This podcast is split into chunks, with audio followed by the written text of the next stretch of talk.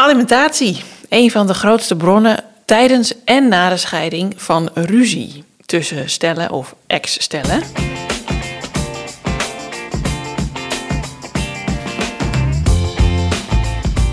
Hey, fijn dat je luistert naar de Scheidpodcast. Ik ben Carly Timmerman van Bureau Carbon, host voor gezinsvriendelijk scheiden. En ik ben Anneke de Groot, bedenker van gezinsvriendelijk scheiden en de grote vriendelijke bemoeial voor alle gezinnen. We nemen je mee in de wereld van fabels, feiten, statements en informatie als het gaat over scheidingen of uit elkaar gaan. Welkom.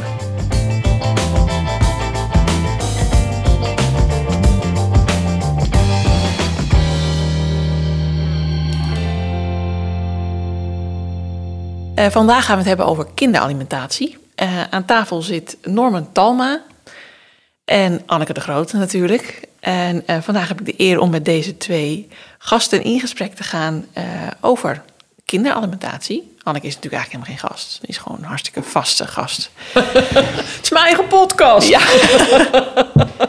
Norman, van harte welkom. Leuk dat je er bent. Dankjewel. Norman, jij bent uh, eigenaar van de scheidingsplanner en actief in de omgeving van Alkmaar. Je hebt een achtergrond als financieel planner en uh, weet dus heel veel van kinderalimentatie. Klopt. De term is al heel vaak gevallen, Anneke, in de podcast die wij hebben opgenomen. Ja. Het is een soort woord waar volgens mij heel veel mensen wel een beeld bij hebben, maar volgens mij weten ook heel veel mensen niet precies wat het is. Want je hebt twee soorten, heb ik inmiddels begrepen: partneralimentatie en kinderalimentatie. Klopt.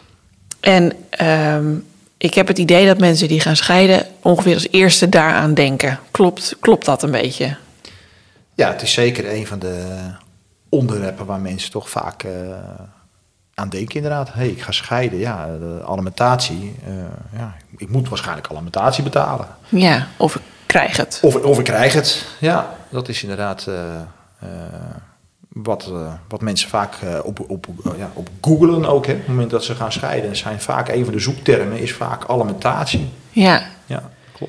Ja, en het verschil tussen partner- en kinderalimentatie, dat, het woord zegt dat denk ik al. Ja, dat zegt het al. Hè. Uh, ja, kinderen, uh, ja, uiteraard. Je bent tijdens de relatie onderhoudsplichtig uh, voor kinderen. En ook nadat dat je gescheiden bent, ja, blijft die onderhoudsplicht doorgaan. Ja. In beginsel tot 21 jaar. Dat staat namelijk in de wet. Hè. Ieder van 21 jaar of ouder wordt geacht om in eigen levensonderhoud te voorzien. Mhm. -hmm. Zo staat het in het burgerlijk wetboek. dus ja, tot 21 ja, ben je vaak uh, behoeftig, zoals dat zo mooi heet. En uh, ja, betekent dus dat je, dat je voor je kinderen moet betalen. Ja. En voor partners, ja, uh, ook weer tijdens het huwelijk, staat ook weer in boek 1 van het burgerwetboek, ehm, ja, ben je al verplicht, nee, elkander het nodige verplicht, zoals dat zo mooi staat. Mooi. Elkander het nodige te verschaffen. Ja, dat is inderdaad, ik was een beetje afgeleid, maar inderdaad, dat is helemaal zoals het erin staat verplicht elkaar het nodige te verschaffen.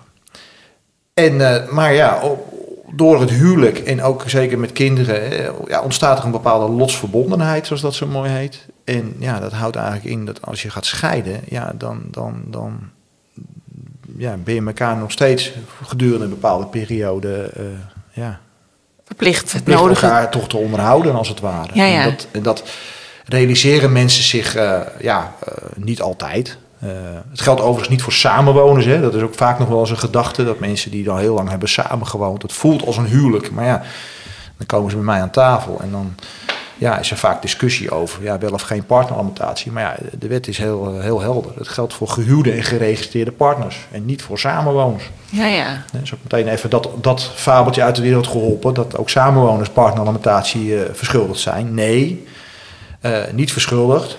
Uh, niet verplicht. Uh, mag wel. Mag het wel afspreken, inderdaad. Ja, ja. Je mag wel aansluiting zoeken bij de wet, maar je kan het niet afdwingen. Ja, Oké, okay. nee, Dus als de een ja zegt en de ander nee, dan houdt het op. Dan is het, uh, is het bij samenwoners. Ja. ja. Want Ja. degene die nee zegt, die Ja. heeft echt het laatste woord. En dan is het ook nee. En dan krijg je gewoon niks. Je hebt geen recht. Ja. Ja. Klopt. Eh, om dan even terug naar het onderwerp kinderalimentatie. Ja. Want dat is vaak ook wel een beetje eh, wat ik mensen uitleg. Hè. Ehm, Daar kunnen samenwoners trouwens niet onderuit. Dat is wel Nee. gewoon bij wet Ja, geregeld. dat is, nou ja, dat is inderdaad een goede aanvulling. Dat, dat, je haalt de woorden uit mijn mond. En kinderen gaan ook eigenlijk altijd voor op de beide partners. Dus eerst moet in de behoeften van de kinderen zijn voldaan. En dan pas gaan we kijken van, hé, hey, is, er, eh, is er nog behoefte? bij, nou, meestal heb je, als je kijkt naar een gemiddeld gezin, hè, eh, is er altijd één ja, kostwinnaar, zeg maar, en één minder verdienende. Dat zie je heel vaak. Hè? Zeker als er kinderen zijn, dan besluit toch vaak één of de ander om wat minder te gaan werken. Levert vaak natuurlijk daardoor wat, wat, wat inkomen in. En dan kijk je ook vaak een beetje van, hé, hey, hoe ziet het dan het perspectief eruit na de scheiding? Ja. Kan iemand wel meer gaan werken? Hè? Met, in hoeverre is die zelf in staat om in eigen levensonderhoud te voorzien? En stel dat dan wat vrede dat niet helemaal lukt. En er is nog een stukje ja, aanvullende behoefte, zeg maar, die iemand niet zelf kan verdienen. Ja, want behoefte is dus iets wat leeft bij een ex-partner. Ja. En die heeft dan behoefte aan geld. Zeg ik dit goed? Ja, in feite wel. Ehm, ik realiseer me dat ik wel wat in termen ga al. Hè. Dus Ja. Ik ga toch maar even, even, even de, de, de wat simpel maken. En eh, het is niet om het een of het ander, maar ik zeg maar in dit geval, de vrouw is de hoofdkostwinnaar. Heel goed, daar hou ik van. Ja, en de man is even de, even de huisman. Om het maar even, even zo uit te drukken. Ja, En die besluiten om te gaan scheiden en ze hebben samen twee kinderen. Nou, dan gaan we eerst de behoeften van die kinderen in kaart brengen. We gaan eerst eens kijken van, joh, wat, eh, wat is nou hun behoefte? En er zijn allerlei richtlijnen voor om dat te berekenen. Maar wat is dan een behoeftenormen? Nou, eigenlijk een behoefte is een beetje een afspiegeling van ja, wat er aan gezinsinkomen was. Wat had men tijdens de, de, de, de relatie? Oké. En om dan eerst uit te rekenen wat die kinderen kosten. Want ik zei net al, kinderen gaan voor. Hè, dus we gaan eerst kijken naar hun behoeften. Mhm. En die behoeften berekenen we eigenlijk door het gezinsinkomen in kaart te brengen. Waar leefde men nou van? Wat hadden we nou te besteden met elkaar? en dan kijk je dus voor kinderen bijvoorbeeld naar... kunnen ze nog sportschool, naar de, naar de Ja, sport. Ja, dat, dat is een methode. Dat je gaat kijken van wat gaven we nou daadwerkelijk uit aan die kinderen. Alleen ja, 99 van de 100 stellen aan wie ik vraag van joh, weet je wat jouw kinderen kosten? Ja, dan kijken ze je schaapachtig aan van nou, ja, veel geld. Dat is het enige wat eruit komt. Ja. Hè? Maar eh, nee, ze weten het niet. En om dan toch een beetje een richtlijn te pakken, kijken wij meestal naar de eh, tabellen van het Nibud.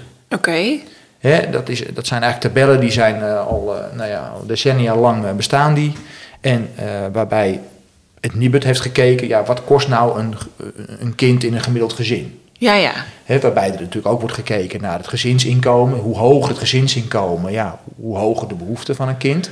Maar het is wel gelimiteerd tot een bepaald inkomen. Tegenwoordig ligt dat op 6000. Ja. Dus bij 6000 netto inkomen per, Per maand. maand. Ja, je gaat natuurlijk niet als kind eh, meer eten of meer drinken.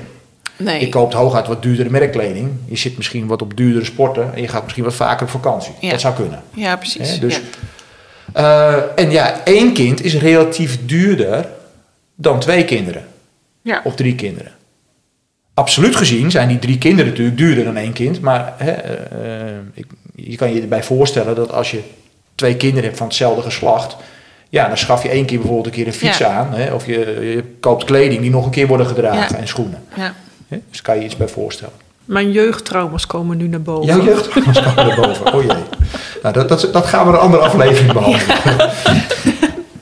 Eh, maar even teruggaande naar het Nibud. Hè, aan de hand van die tabellen bekijken we dus aan, hè, aan de hand van de leeftijd ook van die kinderen. Worden een aantal punten toegekend. En met dat gezinsinkomen kunnen we aflezen, oké, wat, kost, wat kost dat kind dan? En wat is dus de behoefte van het kind? Wat is de behoefte? En dan moet ik ook nog zeggen, dat is dan eigenlijk eh, het aandeel van de ouders in de kosten van de kinderen. Want ook de staat levert nog een aandeel in de vorm van kinderbijslag. Ah ja, Tot 18 jaar. oké. Ja, dus dat wordt eigenlijk nog, zou er eigenlijk nog bij opgeteld moeten worden bij de tabelbedragen. Maar goed, dat wordt wat technisch. We hebben dan uitgerekend wat kosten die kinderen. En dan trekken we dat af van dat berekende gezinsinkomen. Wat we hadden eh, bekeken. Wat tijdens de relatie het inkomen was. Dan houden we een bedrag over. Dat bedrag, ik noem het maar even bedrag X. eh, dat was eigenlijk beschikbaar voor de ouders om leuke dingen mee te doen. Ja, En dan zeggen we, om een behoefte na de scheiding te, te, te berekenen. Hè, nogmaals, die behoefte is dus een afspiegeling wat er was tijdens de relatie. eh, nemen we 60% van dat berekende bedrag, van dat bedrag X. ja. En dan zeggen heel veel ouders, ja, 60%, hoe kom je daar nou bij? Want dat is bij elkaar 120. Dat klopt rekenkundig niet. Zo. Nee, maar de rechterlijke macht die dit heeft bedacht, deze richtlijn, eh, ja, die heeft er wel over nagedacht. Die heeft Fijn. gezegd van nou, natuurlijk logisch zou je zeggen, hè, eh, iets wat 100% is, 2 keer 50, hè, dus rekenkundig klopt dat. Maar het leven na de scheiding wordt duurder. Slim. Hè? We leefden eerst onder één dak, één huishouding. En we gaan straks naar twee huishoudens toe. Ja. Er staan dubbele lasten gaan ontstaan. Vandaar die extra 10%. Oké. Maar dat is pure behoefte. Hè? Dan hebben we even in kaart, oké, wat was er nou? Dan hebben we die behoeftes berekend. Die zijn voor beide partijen hetzelfde. En dan krijgen we de situatie, oké, hè, die mevrouw was de kostwinnaar, of is de kostwinnaar nog steeds.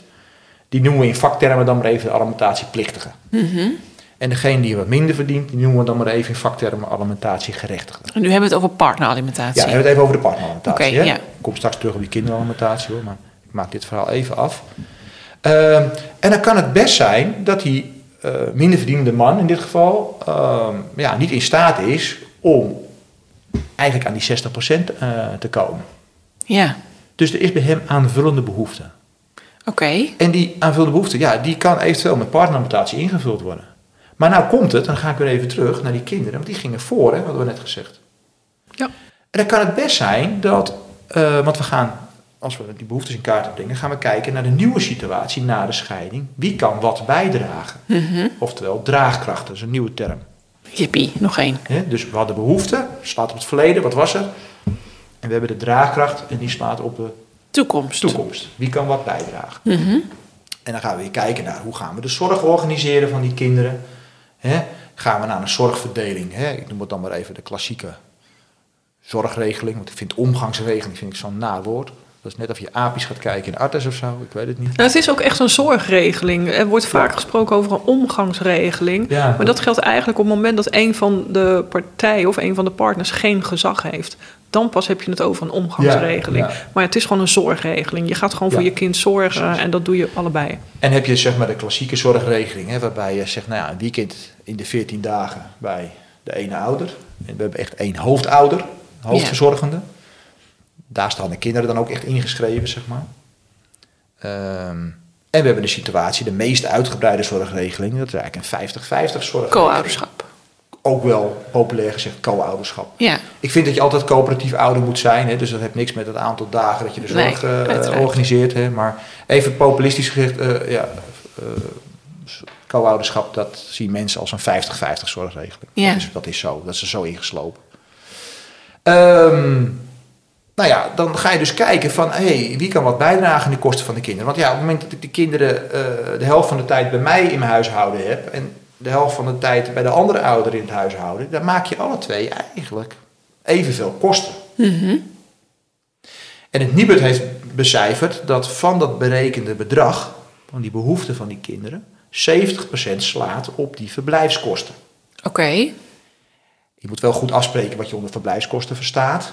Ik versta daaronder, eh, naast eten, drinken, is het ook een aandeel in de woonlasten. Hypotheek, huur, gas, licht, water.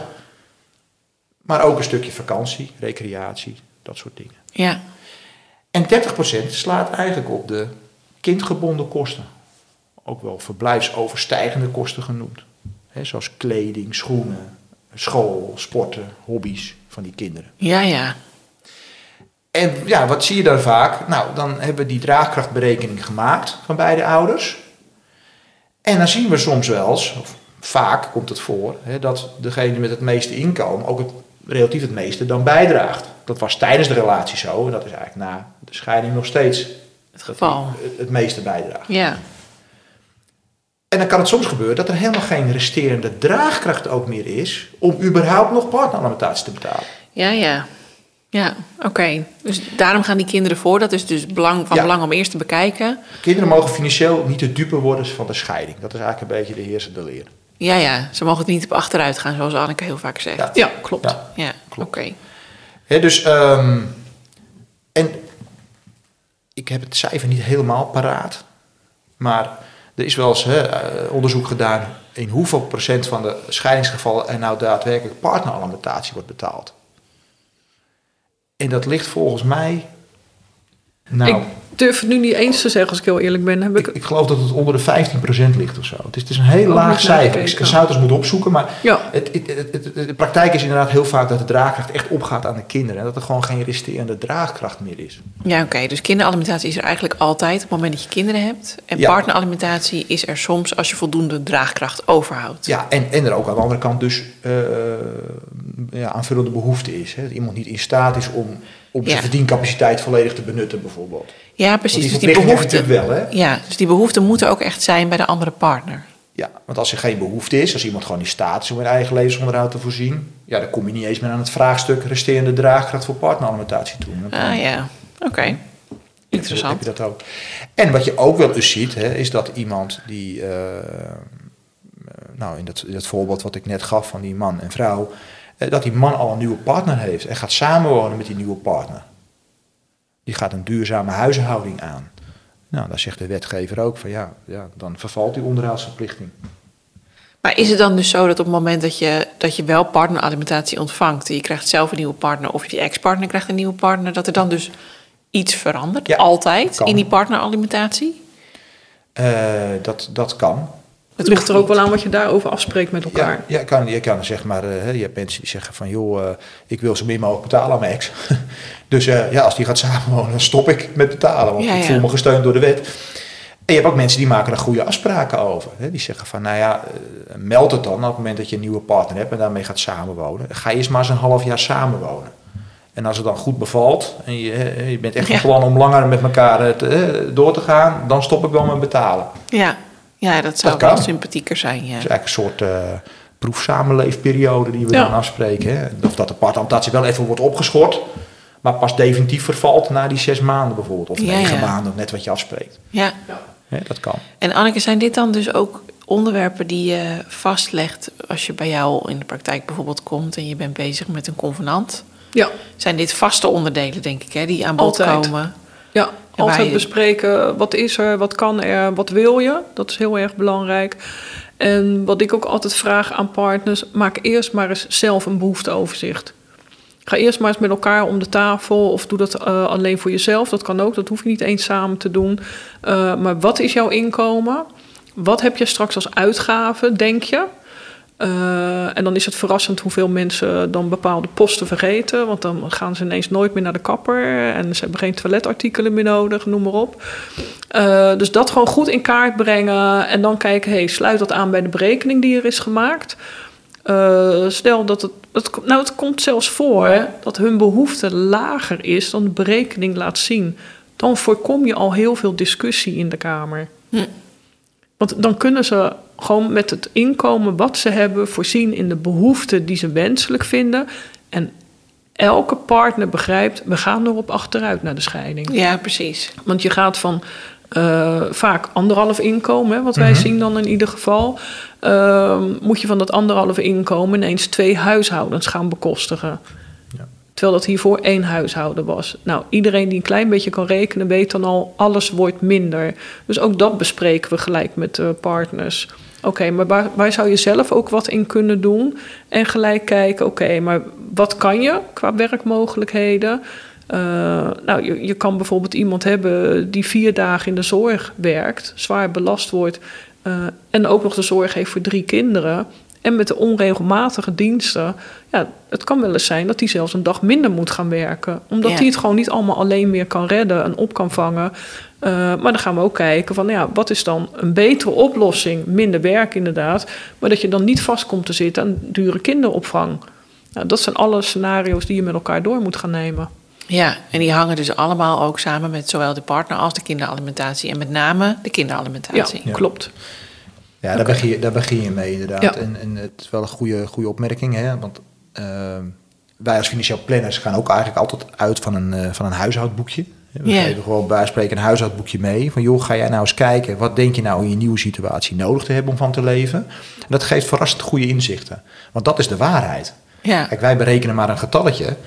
Maar als mensen daadwerkelijk gaan bijhouden, ja, wat geef ik uit aan, aan, aan boodschappen? Wat geef ik uit aan de kapper? Wat geef ik uit aan, aan gas, licht, water? Dat is de waarheid. ja, En als we dat in kaart kunnen brengen, dat kan financieel ook heel veel eh, ja, rust bieden. Als mensen zien van nou, oké, ik hou dus nog wat over in de portemonnee na de scheiding. ja, ja, precies. En dat is ook wel prettig. Of En ze zien is- misschien ook posten waarop ze kunnen besparen. En mogelijk. dat ook. dat is zeker, natuurlijk een ja. mutatiemoment scheiden. Hè? Dat je zegt van ja, dat abonnement op die ongelezen krant bijvoorbeeld. Nou, Ja. gooi die er maar uit. Ja, Op internet kun je ook heel veel vinden. Hè? Of eh het sportschoolabonnement waar je toch nooit heen ging.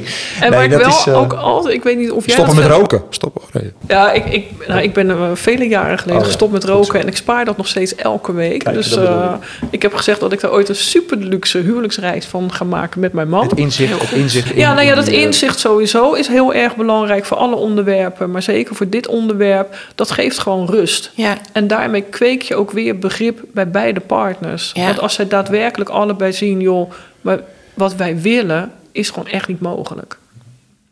En ik denk dat dat heel belangrijk is. Ze, ze zien En- ook, eh, ze, zien ook eh, ze hebben een kijkje in elkaars portemonnee, zeg ik Ja. altijd. Hè? En Ja, als je dan ziet want dat van, is er niet ik- ik- tijdens de relatie of tijdens het huwelijk. Ja. Daar kom ik ook wel achter. Wat ik vaak zie, het, het, het, kweekt begrip. Hè? Iemand die bijvoorbeeld, stel we komen overeen dat we kinderalimentatie en ook nog een stukje partneralimentatie moeten betalen. Ja, de betaler vindt het gauw te veel. ja, Ja? En de ontvanger vindt het gauw te weinig. te Ja. weinig. Ja. Nou, en als je dan inderdaad overweer in elkaars portemonnee ziet, dan zie je wel van ja, weet je, ik moet wel een hoop kinderen- en partneralimentatie betalen. Maar ja, ik hou nog zoveel over en ik zie dat de andere kant het eigenlijk ook wel keihard nodig heeft. En vice versa. Van nou ja, ik vind dat ik te weinig ontvang, maar ja, oké, ik kan ermee uit en ik zie dat de ander ook niet veel meer overhoudt. Ja, Ja, dan, heb- weet je, en dan heb je, dan heb je dat begrip. ja, En dan zijn alle andere afspraken vaak ook wel wat soepeler te maken. Ja, dat is echt waar. En dat is echt, en dat, zo werkt het gewoon. En Ja. mensen, mensen komen in eerste instantie, hè, ik weet niet hoe jij dat ervaart, Anneke, maar mensen komen in eerste instantie bij ons en die zijn er gewoon doodsbang voor het zwarte gat waar ze in Ja. vallen. Ze hebben geen idee. En juist door dat financiële inzicht, wat natuurlijk echt wel een belangrijk onderdeel is, als we dat inzichtelijk krijgen van ons, ja, dan ontstaat er zoveel rust. ja, en dus ook meer begrip voor En elkaar. dus meer begrip. Ja. ja. Ja, Ja, want is het dus altijd zo... eh, ik, ik hoorde jullie ook al voor dat we dit gesprek voerden zeggen... dat je die alimentatie kan indexeren. Eh, is dat iets wat standaard gebeurt? Ja, bij, eh, bij kinderalimentatie is het, is het eigenlijk wettelijk verplicht ook. Hè? Ja, even indexeren is het feit dat elk jaar een, Ja. een bedrag toeneemt... vanwege allerlei economische omstandigheden, toch? Klopt, Even ja, bocht. eh, prijsinflatie zeg ik altijd maar. eh, ja. Nee, dat is bij, bij kinderen is dat, is, dat, is dat wettelijk verplicht. Kinderen eigenlijk van openbare orde zijn. Dus dwingend recht. Eh, Het zijn vaktermen allemaal. ja, je mag, Ja. Niet, je, mag niet afspreken, ja, je mag niet afspreken bijvoorbeeld van nou, eh, we indexeren niet. Althans, ja, de meeste rechters zetten er dan een streep door. Of die verwijzen je terug. Hè. Dus, Omdat dus- het gewoon zo in het wetboek staat. omdat dat het wetboek is dwingend recht. Je, mag er eigenlijk niet van afwijken. Hè? Dus net als dat je door het rode verkeerslicht eh, rijdt, dan ben je een overtreding. Ja, precies. Hè? waarbij ik wel even op wil merken, ik kan het natuurlijk niet laten, eh, dat als je met de overheid belt, dat die zegt dat je wel mag afwijken. Dat is echt heel spannend. Daar word ik ook echt doodmoe van. Het mag niet. Je mag, het kind mag er Nee. niet op achteruit En ik, gaan. ik snap de verwarring, omdat je bij partneralimentatie, want partneralimentatie is regelend recht. Je mag gewoon afzien van partneralimentatie. Dus je mag ook afzien van indexeren van partneralimentatie. Ja, ja. En ik denk dat daar vooral de verwarring ontstaat. Nee, want dat weten ze heel goed uit te leggen. Nee, zeggen ze dan mevrouw, bij partneralimentatie mag u wel afwijken. Ehm, maar bij kinderalimentatie mag u ook afwijken. U mag ook zeggen, ik ga niet indexeren. Ja. Nou, ik, misschien een nuance. Ik heb daar in de praktijk ook wel een voorbeeld van. Hè, van iemand die eh, ja, was gemeenteambtenaar en die had al jaren een, een, een, een nullijn, zeg maar. Dan praat ik wel over een paar jaar geleden inmiddels. En die zei ook bij de scheiding, ja, hij zegt, joh, als ik dan 2 of 3 procent eh, indexering heb, jaar op jaar, en mijn inkomen blijft al jaren eh, stabiel, hè, er komt niks bij, dan kachel ik steeds verder achteruit. En Waren dan mag elkaar- je het afspreken. Hè, waren we bij elkaar gebleven, dan had ik ook, eh, ja, hadden we als gezin ook niet van geprofiteerd, want Ga mijn je dan, inkomen bleef wordt steeds hetzelfde. minder. Wordt steeds minder in feite. Ehm, dus daar heb ik toen specifiek opgenomen dat eh, de, de kinderalimentatie wel geïndexeerd werd, maar dan volgens de, de loonindex. Ja, op basis Dus van het het CAO-loonstijging. van degene die dan de kinderalimentatie moet betalen. Ja. Maar hij moet het wel kunnen be- eh, bewijzen. Ja, nou ja, CAO is eh, voor gemeenteambtenaren openbaar. Hè, dat kun je gewoon Ja. eh, vinden. Dus, maar daar, die afspraak hebben we toen gemaakt. En Ja, dus als hij eh 3% loonstijging krijgt, ja, dan is het ook 3% indexeren.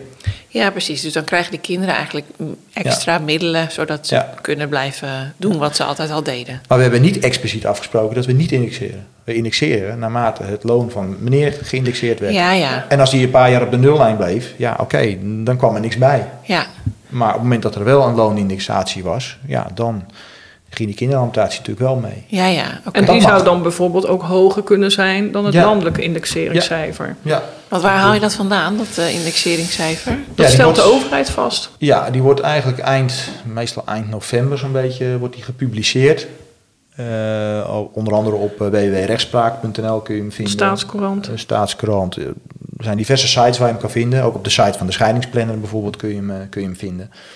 En dat moet je dan met ingaan van 1 januari moet je dat dan ook aanpassen. Dat moet je ook zelf handmatig doen. Het gaat natuurlijk niet automatisch. Ah ja, oké. Ja. Ja. Oh, dat is ook wel goed om te weten. Ja. En over kinderalimentatie gesproken, misschien is dat ook nog eh, aardig om even te benoemen. Eh, we hebben het net gehad over co-ouderschap. hè, Ja. Over die 50-50 zorgregeling. En wat je heel vaak ziet is dat ouders ook kiezen bijvoorbeeld voor een kinderrekening. Oh ja, Wat, wat, wat, wat vaak discussies geeft, is dat eh, als één iemand kinderalimentatie betaalt aan de hoofdverzorgende ouder, noem ik het dan maar even. Ja, dat dan niet inzichtelijk is wat er met dat geld gebeurt. ja precies. Anneke heeft daar een leuke anekdote over. Dat iemand zei van nou, eh, jij gaat er zeker van op vakantie. Ja. Eh, je gebruikt het voor jezelf en niet voor de kinderen. ja, Want die lopen maar in de oude kleding. Die Ja. blijven maar in de oude kleding dat hoor je zoveel. Ja. Nou ja, wat ik, wat ik dan wel eens als alternatief geef aan mensen, van joh, ja, wat ook mogelijk is, is dat je een kinderrekening opent. Ja, Hè? eh, ik heb net uitgelegd dat ieder heeft, eh, heeft verblijfskosten. Hè? En voor die kindgebonden kosten, dus die verblijfsoverstijgende kosten, openen we een kinderrekening. En ieder stort daar, naar raad van draagkracht, een bepaald bedrag op. ja, En de kinderbijslag kan ook op die rekening worden overgemaakt. ja, precies. En dan hebben we gewoon een budget, eh, in principe elke maand, beschikbaar, om daarmee eh, de kleding te kopen. Ja. En dan kan het nog steeds zijn dat één iemand, hè, eh, nou, vaak met de kinderen dan eh, de kleding koopt. En ja, de sporten, de contributie daarvan en dergelijke, kan allemaal van die kinderrekening af. Ja, en er kan ook van die kinderrekening een stukje gespaard worden of zakgeld betaald worden aan die kinderen. Ja, wel transparanter lijkt mij. En door die transparantie ja, hoeft dat minder tot discussie te leiden. Ja. Want ieder heeft, als het goed is, inzicht in die rekening wat er gebeurt. En je hoeft ook niet met bonnetjes heen en weer te gaan dan. Ja. Hè, want als iemand kinderalimentatie betaalt en eh, ja, die gaat op een gegeven moment in overleg vaak dan wel kleding kopen, ja, dan leeft hij dat bonnetje dan in bij de, degene die die kinderalimentatie ontvangt. Mag ik eventjes het, bon- het bedrag van het bonnetje terug? Ja, nou, Ja. ja, ook dat is natuurlijk vaak onhandig, heel administratie. En ja, het voordeel van die kinderrekening nogmaals is, ja, eh, het is gewoon transparant wat je zegt. Ja, Het Je moet wel goede afspraken wel- maken. Ja, ik wou net Je moet wel goede afspraak maken, hè? want ja. hè, contant geld pinnen van die rekening, dat moet je bijvoorbeeld eigenlijk niet doen, al tenzij in overleg. ja, Ehm, wat ook een groot nadeel is, wat heel veel mensen zich niet realiseren, want er zitten natuurlijk voordelen aan een kinderrekening, maar er zitten ook nadelen aan. Want wat nou als mijn ex besluit om niet meer over te maken naar die kinderrekening? ja, Dan heb je wel een, een beetje een probleem in die zin, ehm, anders dan bij kinderalimentatie. Hè, want als iemand kinderalimentatie betaalt en stopt daarmee, ja, dan kun je met een rechtelijke beschikking in je hand, kun je rechtstreeks naar het landelijk bureau eh incasso onderhoudsbijdrage stappen. En die gaan voor jou in, eh hoe heet het? Langs de deur. eh, ja, nou, gaan inderdaad. zogenaamd De incasseren. incassoprocedure moeten we er ook even bij zetten. Dat is het LBIO. Ja, En dat werkt niet zo fantastisch als dat mensen denken. Oké. maar bij een kinderrekening doen ze dus niks. Nee, dus dan moet je eigenlijk zelf erachteraan gaan jagen Ja. van... joh, maak het Ja. nou eens over, maak Ja. het nou eens over. En dat Ja. gebeurt Dus dan niet. Ook, ook eh, we hebben een ander onderwerp, dat, dat komt nog, birdnesting. Nou, eh, dat, dat is ook niet voor iedereen geschikt. Net zoals de kinderrekening ook niet voor iedereen geschikt is. Ja, Nee, en dat betekent echt dat je inzicht moet hebben. Wat gaan we met elkaar afspreken? Ja, wat gaan Dan we moet je ontzettend goed vastleggen. Welke posten ga je betalen? Er kan bijvoorbeeld ook een verzekering van afgeschreven worden. Eh, maar wat ga je doen als het kind eh, drie keer per jaar zijn telefoon verliest of kapot gooit? Ga je dan drie keer daar een nieuwe telefoon van betalen? ja, Eh, nou, dat zijn Ja. allemaal dingen die je met elkaar af moet spreken. En inderdaad niet contant geld opnemen, maar ook dat moet je vastleggen. En bij welk bedrag ga je zeggen, we moeten bijstorten, we komen niet uit? Eh, welk bedrag ga je sparen voor een nieuwe fiets, een nieuwe laptop, eh, straks een studiereisje, studiekosten voor de kinderen als ze ouder zijn? Alles moet Ah. je bespreken even. Kijk, voor jonge kinderen werkt dat perfect. Dat is heel goed dat je dat ook aanstipt. Want ja, wat hebben we nou als op een gegeven moment een, eh, een 18-jarige zegt... nou, ik ga op kamers, ik ga studeren. Ja, Ja, weet je, dan heeft die kinderrekening geen zin meer. Want dat kind maakt op dat moment natuurlijk zelf zijn huurkosten... en zijn eten en drinken kosten. En ja, dan Ja. houdt zo'n kinderrekening ook een keer op. Hè? Dat is een bepaalde leeftijd waarop een kind ook zegt... Hè, in principe is dat ook 18, van joh, eh, leuk... maar ik, eh, ik wil die centjes zelf ontvangen. Ja, Dat kan. ja, dus dat is ook gewoon iets waar je gewoon regelmatig met elkaar eigenlijk over in gesprek mag Ja. blijven, ook Ja. na de scheiding. Ja, maar dat bespreek je ook van tevoren. Ja, en dat is ook de hoor. reden dat wij altijd de nazorg doen. Elk eh, jaar gewoon even een mailtje sturen. Eh, mensen stoppen daar trouwens vrij snel mee. Maar het kan ook wel gebeuren, zeker bij de wat oudere kinderen... dat we dan al gelijk ook opnemen in het gezinsplan. Let op, als het kind 16 jaar is... ga- gaan ouders dit met elkaar eh, bespreken en met het kind... Ja, Eh, en bijvoorbeeld een half jaar voordat het kind 18 wordt, om de tafel met dat kind ook weer. Hé, hey, wat gaat er gebeuren? Jij wordt 18 jaar, wij hebben geen gezag meer over jou. Eh, ja, nogmaals, ze hoeven niet de behoeftigheid aan te tonen hè, tot ze 21 zijn. Maar wat gebeurt als je kind 18 is en die heeft een fantastische bijbaan, of het wordt een nieuwe internetgoeroe en heeft al 4 miljoen op zijn rekening staan? Eh, ja, is het dan nog billig dat papa en mama kinderalimentatie blijven betalen op het moment dat hij 18 is? Ook dat ga je met elkaar bespreken. En Ja. wat ga je bijvoorbeeld doen met de zorgverzekering? Noem maar op. ja, Maar wel bespreken met elkaar. Maar dat, ja, dat leggen we gelijk vast in het plan. Hoe ziet dat er dan uit? ja, Ja. ja, mooi. Ja, want we hadden ook dit keer, en dat is eh, heel leuk vind ik zelf, we hebben een vraag van de luisteraar gekregen rondom kinderalimentatie. Ja. Eh, Norma, misschien kan jij daar eventjes je licht over laten schijnen. Ehm, Er is een, eh, een situatie waarin een vrouw heeft samengewoond met haar ex-partner. Zij hebben samen drie kinderen. Zijn inmiddels al een tijd lang uit elkaar, een paar jaar uit elkaar. En haar ex-partner heeft een nieuwe relatie en krijgt met die nieuwe vrouw een kind. En eh, zij vroeg zich af, wat gebeurt er dan met de kinderalimentatie voor mijn kinderen? Wijzigt dat op het moment dat er een nieuwe partner in beeld komt en er een nieuw kind bij komt? Ja, die nieuwe partner die erbij komt, die is niet al onderhoudsplichtig voor die drie kinderen Nee. uit, het, uit die eerste relatie. Dus die maar het feit dat ze samen een nieuw kind eh, krijgen, dat doet wel degelijk iets met de draagkracht van, eh, van dit geval de man, begrijp ik. Ja. Ehm, want die is in één keer onderhoudsplichtig straks voor vier kinderen. Mhm. Dus zijn draagkracht, ja, die moet straks verdeeld worden over vier kinderen. En hoe die verdeling gaat, dat is een beetje technisch. Ehm, ik ben altijd een beetje eh, ja, pragmatisch in die dingen. Hè, dat ik zeg, nou, oké, zijn draagkracht moet gewoon straks over vier kinderen worden verdeeld. Er bestaat zoiets als rangorde, daar ga ik nu maar niet op in, maar eh, gezien de tijd. Eh, maar het, zijn, het kunnen hele ingewikkelde berekeningen zijn. Ja. En zeker als die nieuwe partner ook weer een relatie heeft gehad met kinderen. Eh, ja, je kan een hele kerstboom dus eigenlijk maken. Hè? Van, je moet eerst gaan uitzoeken van ja, wie is voor wie onderhoudsplichtig. Ja, ja, ja. Hè, eh, krijg je te maken met stiefouders, hè, dus waar kinderen ingeschreven staan en die eh, ouders gaat hertrouwen of geregistreerd partnerschap aan met die nieuwe partner. Ja, dan wordt die ook weer stiefouder en ook daarmee weer onderhoudsplichtig. Dus ja. ja, je krijgt een hele kerstboom. En ja, ik, ik, ik heb ze in de praktijk natuurlijk, eh, maak ik ze wel. Maar het is, eh, het is eh, lastig. Want je moet eigenlijk van alle ouders moet je een inkomen hebben. En nou, niet iedereen is genegen om dat te geven. Het scheelt ook veel hoe ouders natuurlijk met elkaar omgaan. hè. Ex- Ex-partners, hoe die met elkaar omgaan. ja. Soms zijn ze gewoon van gewoon goede, goede wil. Hè? En willen ze het ook gewoon netjes regelen met elkaar. ja. Nou, prima, daar, daar kom je er wel uit. Maar ja, je, je zal er net een, een stel tussen hebben die helemaal niks eh, laten horen. Of helemaal niet met de billen bloot willen. Ja, weet je, ja, dan, moet, dan moet je eventueel naar een advocaat toe. Eh, moet via de rechter gaan spelen. Nou ja, Liever niet. liever niet natuurlijk. Nee. Maar eh, in dit geval concrete vraag. Ja, wat doet dat, wat doet dat voor mijn kinderalimentatie? Ja, dat is net hoe, hoe goed zijn ze met elkaar. Hè? Als die ex-man van de, persoon die deze, vraag stelt... eh, zegt van, joh, weet je... ik blijf voorlopig gewoon lekker dat bedrag eh, betalen wat ik betaal... is het ook goed. Maar als hij eh, net aan met moeite de eindjes in elkaar kan knopen... dan kan ik me ook voorstellen dat hij aan zal dringen op een herberekening.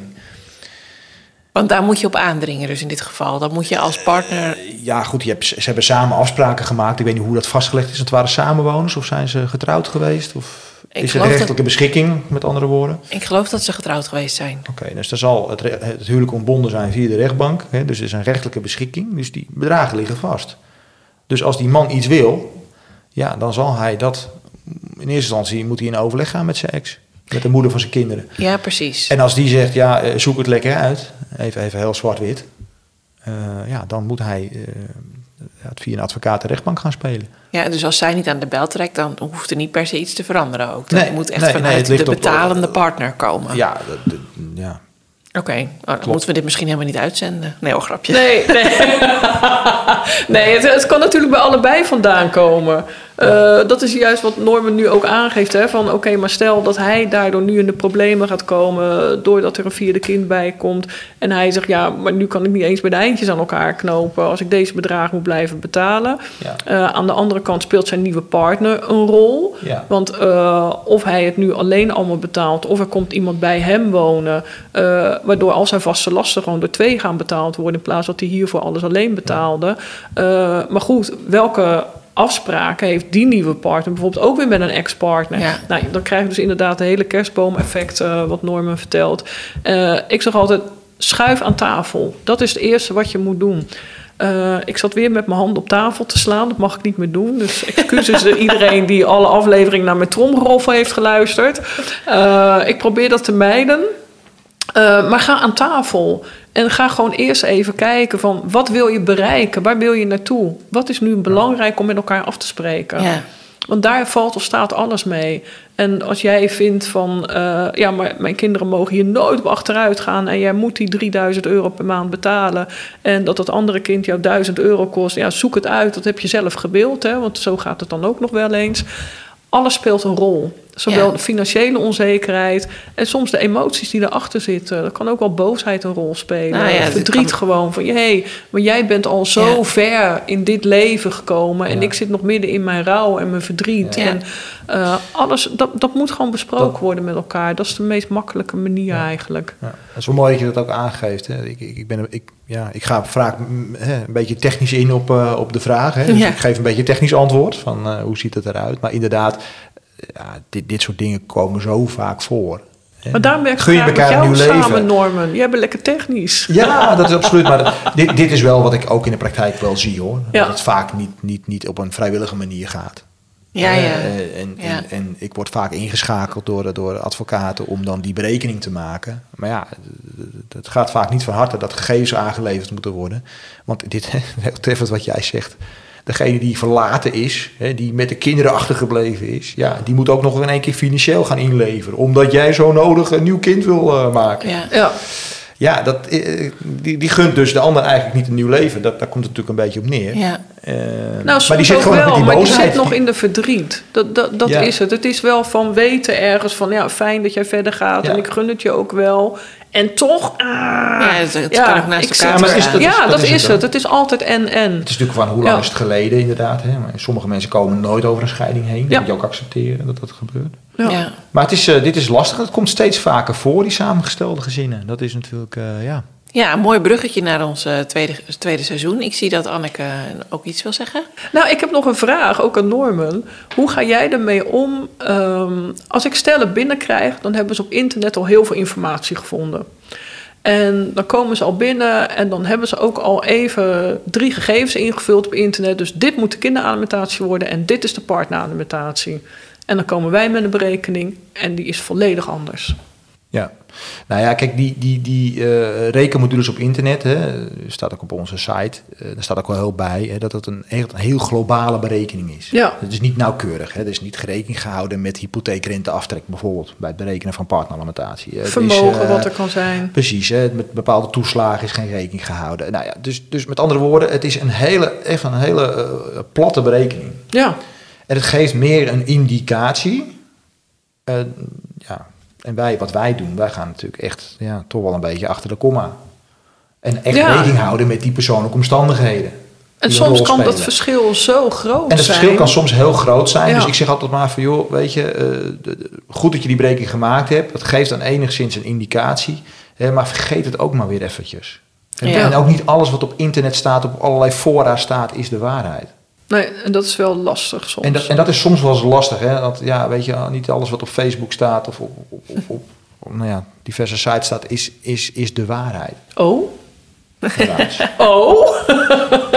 Daar ben ik toch altijd van uitgegaan. Nee, nee. Dus dat is wel eens, eh, ja, dat kan, kan wel eens wat verstorend werken. Net zo goed als de buurvrouw die ook gescheiden is, je, ja, je allerlei dingen influistert. Je moet dit, je moet dat. Ja, het kan ongelooflijk verstorend werken. Ja, Ja, en ik heb zoveel meegekregen. En Ja, ik, ja, nou, en ik vraag even om een zo- kopietje van het convenant. Dan kijk ik er graag naar. In feite, elke scheiding is weer uniek. Cijfertjes liggen altijd even anders, wensen liggen anders. Eh, je kan het niet één op één kopiëren. En dat is wel wat mensen vaak een beetje zien. Ja, maar hoe kan ik nou dat ik zo weinig alimentatie krijg? En Ja. de buurvrouw zoveel. Ja. Ja. maar die man die verdient drie keer zoveel. En ja, Ja, dat je, je kan het niet...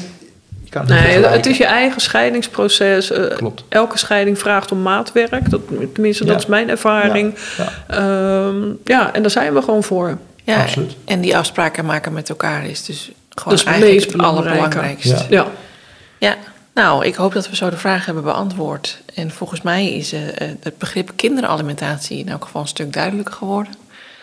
Dankjewel, Norme, voor je bijdrage. Graag gedaan. Ja, en sorry, ik wil nog één aanvulling doen. Ik hoop wel dat ook hiermee duidelijk is geworden dat er niet één partner is die kinderalimentatie betaalt. Je betaalt het allebei. Ja, Alleen eh, er vindt inderdaad een verschuiving plaats van de geldstroom. De hoofdverzorgende ouder krijgt het bedrag van de andere partner.